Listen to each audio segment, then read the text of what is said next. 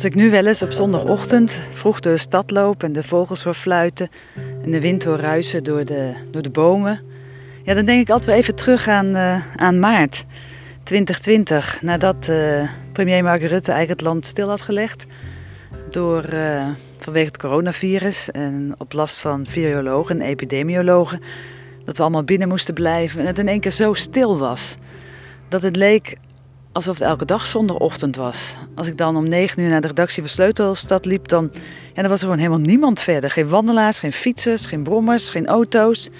Af en toe heel, heel even iemand anders kwam je dan tegen, alsof je lid was van een geheim genootschap.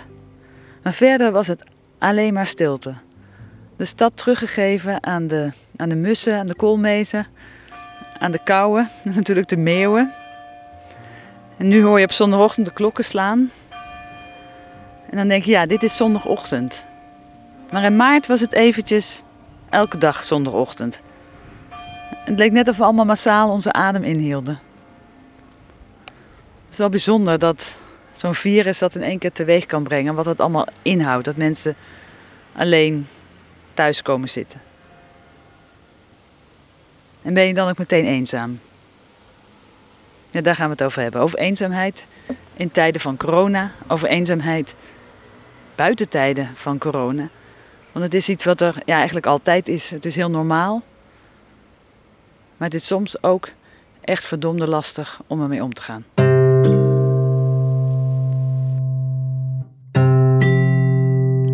Wat is eenzaamheid eigenlijk? Waar ik zelf altijd naar kijk, is, is of, wat ik zelf altijd associeer met uh, eenzaamheid, is een gebrek aan verbinding. Ja, eenzaamheid is een, uh, een complex begrip, maar er zijn wel een aantal definities die we meestal hanteren. En dan gaat het over een uh, subjectief gevoel, dus een, uh, een ervaring, een beleving van een gemis aan verbondenheid met anderen. Nou, eigenlijk heel sec is eenzaamheid een gevoel wat je hebt als je behoefte aan sociaal contact niet voldaan wordt. En dat is waarneembaar in de hersenen eh, als, als pijn. Dus eenzaamheid ziet er in de hersenen hetzelfde uit als pijn. En het kan heel erg pijnlijk zijn. Luister maar eens naar het verhaal van Thijs. Ik vroeg hem wat eenzaamheid voor hem betekent. Um, ja, dat was toen ik uh, heel erg diep uh, in mijn depressie zat. Uh, ik geloof dat ik een jaar of 21, 22 was. Um, ja, het was uh, tijdens kerst, dus ook een periode waar mensen dus, uh, die al eenzaam zijn, dus extra, zich extra eenzaam voelen en dat er dan ook nog eens kaart wordt ingedreven. Um, nou, ik, kan me nog heel erg levendig herinneren dat ik um, toen met mijn hond over straat liep. En er was gewoon letterlijk niemand op straat. We waren gewoon echt uh, met z'n tweeën voelde alsof we helemaal alleen waren op de wereld. En ik, uh, ik, ik verlangde zo uh, naar gezelschap van familie of vrienden, maar dat had ik totaal niet. En we liepen langs allerlei huizen die gezellig waren verlicht, waar we gezinnen bij elkaar zagen die met elkaar aan het dineren waren of samen aan het zingen waren. En die het allemaal ontzettend gezellig leek te hebben met elkaar. En um, ik weet nog dat ik toen midden op straat brak en uh, gewoon in tranen was uitgebarsten. Omdat ik me gewoon zo ongelooflijk eenzaam voelde. En nou, dat deed gewoon echt heel erg veel pijn. Je luistert naar Verbroken Verbinding. Een podcast over eenzaamheid in tijden van corona en daarbuiten. Ik ben Gerry van Bakel en samen met mijn mede-podcastmaker Andy Clark zijn we kriskras door Leiden gegaan om met mensen te praten over eenzaamheid. Meestal face-to-face, wel op anderhalve meter afstand natuurlijk, en soms net als de rest van de wereld via videobellen. Oké, ik hoorde net een piep, piepen tussendoor. Kwam die van... Eh? Dat gaat bij mij. Als mijn uh, mails binnenkomen, maakt hij... Ik denk dat het mijn piep was. Oké. Uh, ik ben Anja Magielsen. Ik ben hoogleraar Humanisme en Sociale Weerbaarheid op de Universiteit voor Humanistiek in Utrecht. En speciaal geïnteresseerd in eenzaamheid, als ik het uh, zo goed lees, links en rechts. Ja, ja, ja. Ik, uh, ik doe al meer dan twintig jaar onderzoek naar eenzaamheid, sociaal isolement en zingeving. Dat, dat, dat soort vragen eigenlijk. Dus sociale kwetsbaarheid noem ik dat in brede zin. Eenzaamheid is iets wat, wat echt bij het leven hoort en wat je in alle leeftijdscategorieën komt eenzaamheid voor. Eigenlijk kan iedereen op bepaalde momenten in zijn of haar leven zich eenzaam voelen. Nee, eenzaamheid komt eigenlijk bij alle, alle mensen voor, bij alle groepen voor. En het komt ook best heel veel voor. Gemiddeld gezien komt het bij, is, is er eigenlijk altijd zo'n 40% van de bevolking die last heeft van eenzaamheid. En er is ongeveer 10% van de bevolking die daar echt heel ernstig last van heeft. Ja, ik ben Annette Gijsman. Ik werk als eh, medewerker project en ontwikkeling bij Radius. Voor welzijn, vooral voor ouderen. En ik ben ook de specialist eenzaamheid bij Radius. Annette is dagelijks bezig met de consequenties van eenzaamheid. Ze heeft een cursus ontwikkeld, Creatief Leven, om vooral oudere mensen te helpen. Volgens haar is een van de problemen dat eenzaamheid nog steeds een taboe is. Het begint een beetje uit de taboesfeer te komen, maar het is best een heel groot taboe. Er zijn heel veel, ja, ik ken dan veel ouderen die, uh, die, niet gauw zullen zeggen um, dat ze zich eenzaam voelen. Of ze zeggen het bijvoorbeeld wel, maar als je er dan later iets over zegt, dan ontkennen ze het weer. Dat heb ik ook meegemaakt. Mensen vinden dat nog heel moeilijk om te zeggen. En dat komt ook omdat wij met z'n allen veel te lang hebben gezegd: uh, eenzaamheid is zielig. En uh, daar hebben vooral oudere mensen last van, die hun partner misschien hebben verloren en geen vrienden hebben. En hun netwerk niet meer kunnen uh, vernieuwen. Maar ja, zo is het niet. Het kan iedereen overkomen. Voor sommige mensen is het zeker een taboe. Ja, ik, ik denk dat. Uh, um, maar je, je niet goed voelen is soms al een, een taboe. Mensen horen, het, horen soms gewoon het liefst dat het goed met je gaat.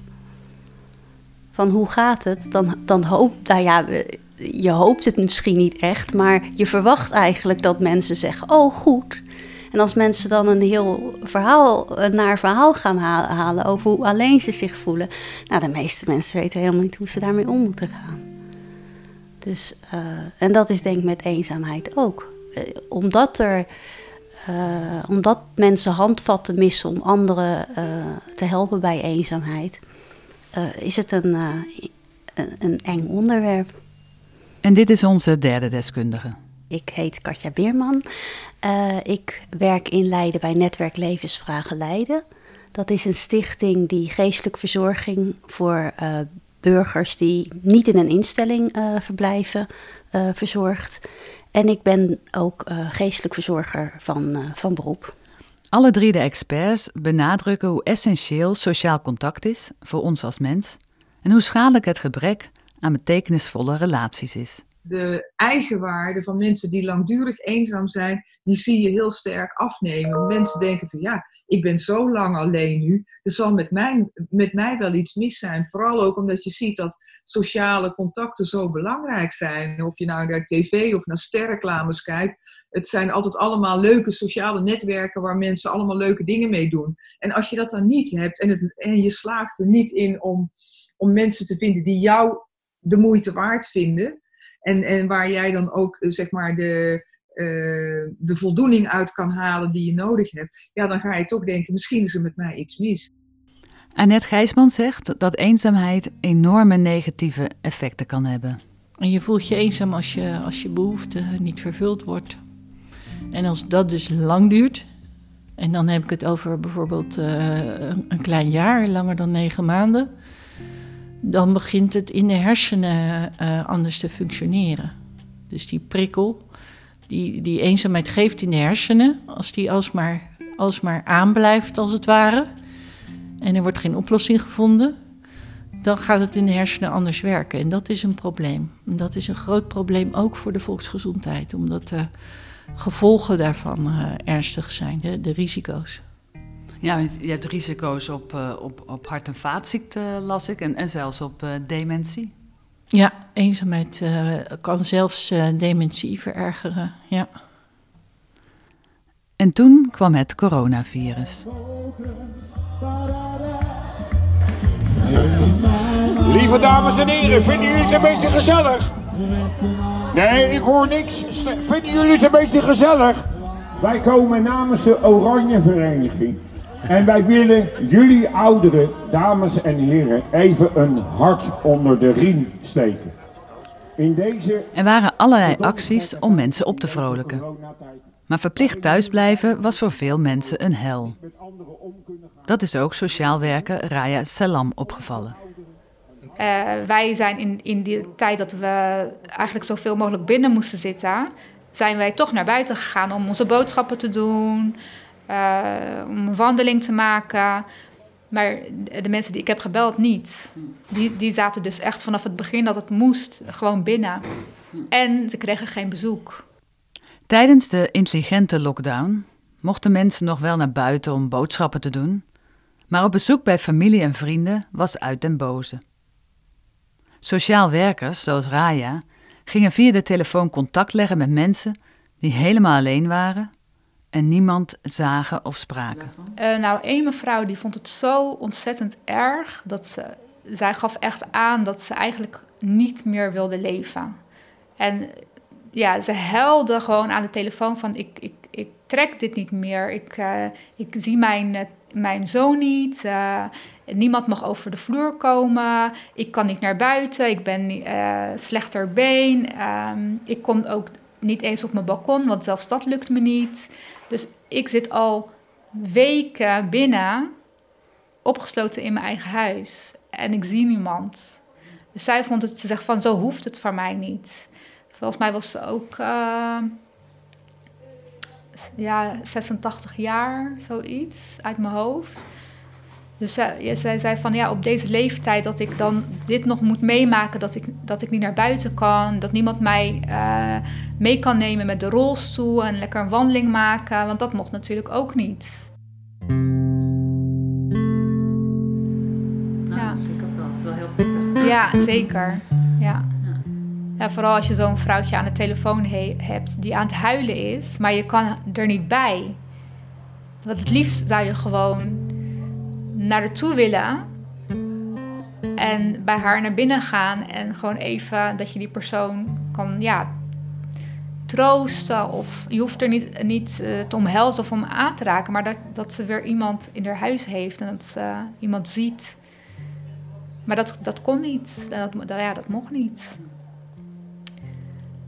Dus uh, ik ga binnenkort kijken of ik langs ga gaan. ja. Ja. Dat heb ik er be beloofd.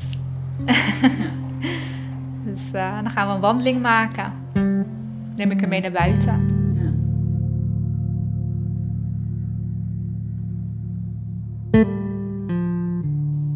Tijdens de lockdown had ook koning Willem-Alexander aandacht voor eenzaamheid in zijn toespraak tot de natie. Als je onzeker bent of bang, is de behoefte aan contact met andere mensen groot. Je wilt je verhaal kwijt. Je wilt het liefst vertrouwde gezichten om je heen. Als het kan, samen even de zorgen vergeten. Het coronavirus kunnen wij niet stoppen. Het eenzaamheidsvirus wel. Laten we samen zorgen dat niemand zich in de steek gelaten voelt. Als een bezoekje niet mogelijk is. Wat denken onze experts van de impact die de coronacrisis heeft op eenzaamheid? Ten eerste hoogleraar Anja Michielsen. Nou ja, ik denk dat de eenzaamheid niet heel veel anders voelt. En uh, wat, wat, we wel zien door corona is dat er natuurlijk nieuwe mensen eenzaam zijn geworden door die sociale afstand die we hebben. Dus omdat je niet meer deel kan nemen aan allerlei activiteiten. En voor ouderen is dat natuurlijk zo. Ouderen die naar een kaartclub, naar bloemschikken, naar een leesclub en dergelijke gaan. En waarbij dat nu niet meer kan, die missen die afleiding.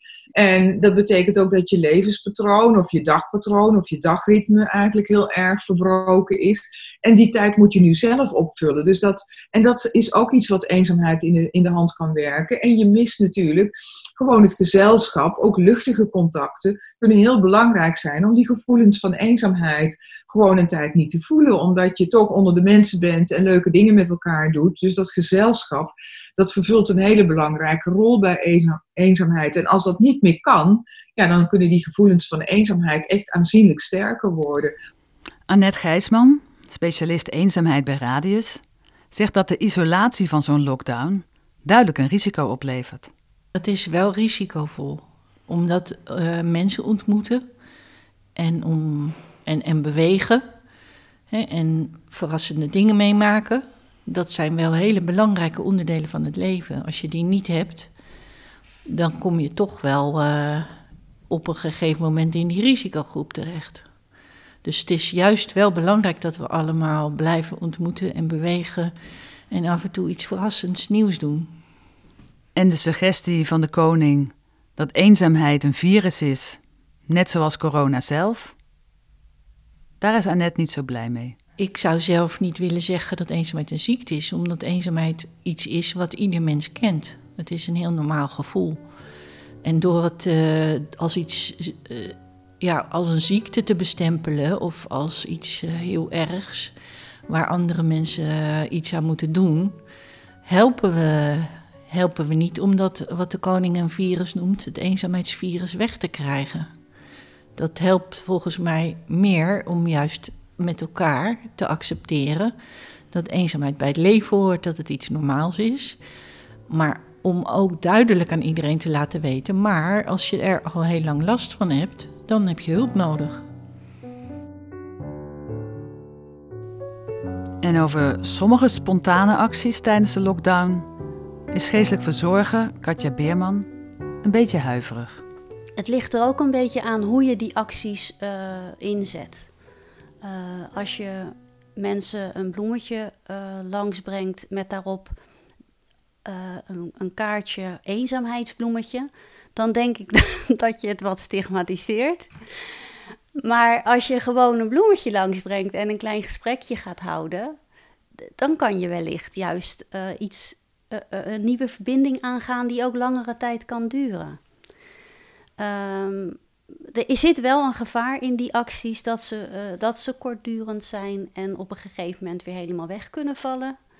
Waardoor mensen ja, dus het juist extra voelen, die eenzaamheid.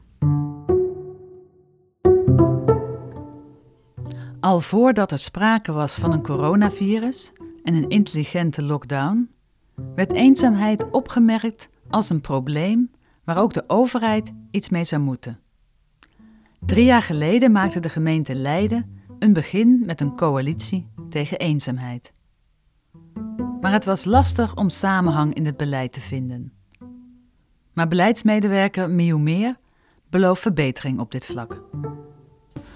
Ja, dat is ook wat we nu inderdaad gaan oppakken. De, ja, nu uh, komt het plan van, de, uh, plan van aanpak tegen eenzaamheid. Um, waarin dat ook wel geconcludeerd wordt. Dat we ook die coalitie echt wat meer officieel willen gaan oprichten. En ook met elkaar aan deskundigheidsbevordering gaan doen. Net ja, kennis uitwisselen met elkaar. Wat zijn al successen. Maar ook dat je misschien meer die aansluiting en verbinding kan zoeken met elkaar. En we hebben natuurlijk nu ook net uh, dat uh, Sterke Sociale Basis is begonnen. Uh, programma waar drie partijen mee aan de slag gaan. En daar is het thema eenzaamheid ook heel, um, staat hoog op de agenda. Um, dus zij gaan er ook allemaal mee aan de slag. Dus op die manier willen we wel meer die over, dat overzicht nu gaan aanbrengen. En meer beleid voeren op eenzaamheid. En ook verantwoordelijk wethouder Marleen Dame verwacht dat de nieuwe welzijnsorganisaties een verschil kunnen maken. Nou, en een belangrijke stap daarin is dat we nu met drie partijen in de stad in plaats van uh, met vele afspraken maken over wat zij doen, voor wie, in welke wijk. En uh, eenzaamheid is een heel belangrijk speerpunt om, uh, ja, om eigenlijk alles wat je doet in je activiteit, om in je achterhoofd te houden. Het moet inclusief zijn. We moeten ook mensen die wat minder makkelijk naar activiteiten komen, achter de voordeur bij wijze van vandaan halen. Um, en nou, dat is wel mooi dat je nu gewoon één aanspreekpunt hebt ook als gemeente en dus veel beter de regie kan pakken. En dat vragen we ook van die partijen in die wijken, want er gebeurt natuurlijk van alles. En laat mensen ook vooral de dingen doen die ze willen doen, maar het is wel fijn als daar gewoon één club is die het overzicht houdt En ervoor zorgt dat het een logisch geheel is. Terug naar de eenzaamheidsdeskundige. Hoe kun je mensen die eenzaam zijn dan wel het beste helpen? We vragen het aan Annette. Ook omdat ik er heel erg van overtuigd ben dat iedereen eenzaamheid kent. En dat het juist belangrijk is om bij jezelf na te gaan wanneer je je eenzaam hebt gevoeld, in welke periode van je leven. En hoe kwam dat eigenlijk? En dan kun je vanuit, vanuit dat begrip voor jezelf en ook eigenlijk vanuit zelfcompassie, kun je er ook gemakkelijker mee omgaan. En dat vind ik eigenlijk heel belangrijk, ook voor professionals. dat ze niet op mensen afgaan uh, waarvan ze denken dat ze eenzaam zijn. Met een idee van ik, uh, ik ga jou helpen, want jij bent eenzaam. Maar meer als een gelijkwaardige gesprekspartner die het zelf ook kent. En die weet dat eenzaamheid bij het leven hoort. Maar dat het soms te lang duurt. En dat mensen dan soms wel die rijkende hand nodig hebben om hulp te gaan zoeken. Ook Anja Michielsen zegt dat contact maken het belangrijkste is. Nou, wat, het, wat de belangrijkste tip eigenlijk is voor mensen die hulp willen bieden, is om niet zelf in te gaan vullen wat voor soort hulp iemand nodig zou kunnen hebben.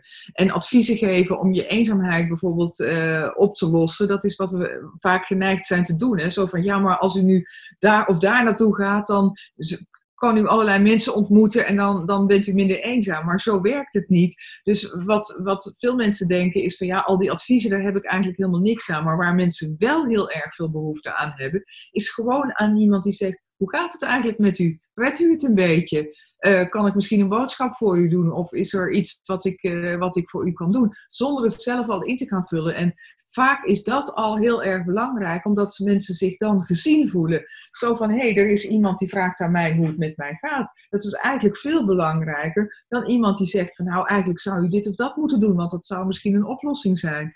En dat, uh, dat hoor ik heel veel ouderen zeggen. Iemand die gewoon luistert, die gewoon vraagt van, hoe is het met u? Kan ik eventueel iets voor u doen? Dat is dan een volgende vraag die je kan stellen. Maar vooral gewoon al de aandacht uh, waarbij iemand kan aangeven, nou, dit, hier ben ik mee bezig, hier maak ik me zorgen over, hier loop ik over te piekeren, hier lig ik wakker van, of gewoon iets heel luchtigs. Dat is hetgeen waar mensen behoefte aan hebben. Want die persoonlijke aandacht van één iemand dan, ja, dat is al, dat is al eigenlijk een heel belangrijke uh, manier van steun.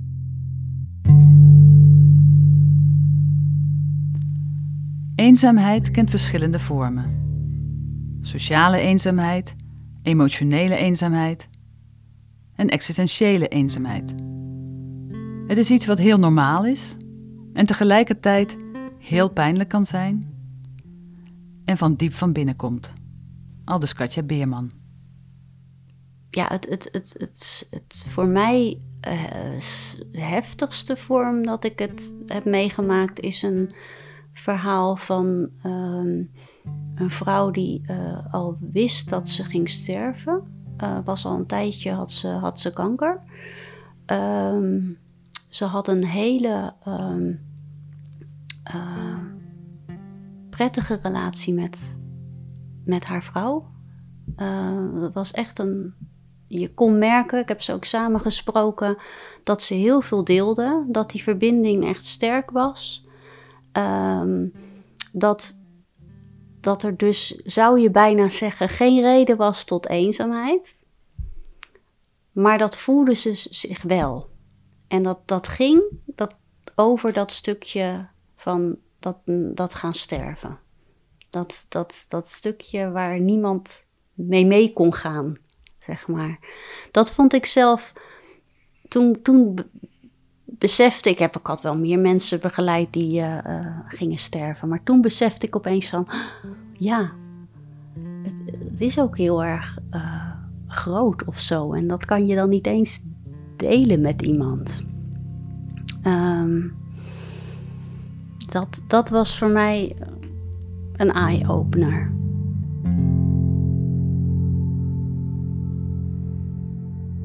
Je luistert naar Verbroken Verbinding een zesdelige podcastserie over eenzaamheid. Deze serie is mede mogelijk gemaakt door het Leids Mediafonds. Ik ben Gerry van Bakel en maak deze podcastserie samen met producer Andy Clark. We willen dat zoveel mogelijk mensen deze podcast gaan beluisteren. Dus vragen we jou deze podcast te delen met je vrienden, familie en de rest van je netwerk. Je kunt ook een review achterlaten in Apple Podcast en het helpt andere mensen deze podcast te ontdekken. In de omschrijving bij de podcast staan links naar organisaties die hulp bieden bij eenzaamheid. Dus als je hulp nodig hebt, neem contact met hen op. Deze podcastserie is ook te vinden via de website van Sleutelstad. Bij elke podcast schrijven we ook een artikel met extra informatie en links naar organisaties die hulp bieden in Leiden. Bedankt Anja, Annette, Katja, Raya, Miu en Marleen voor jullie verhalen en tijd. Wil jij ook een verhaal met ons delen? Dat kan via WhatsApp. Het nummer is 06 12 42 83 87.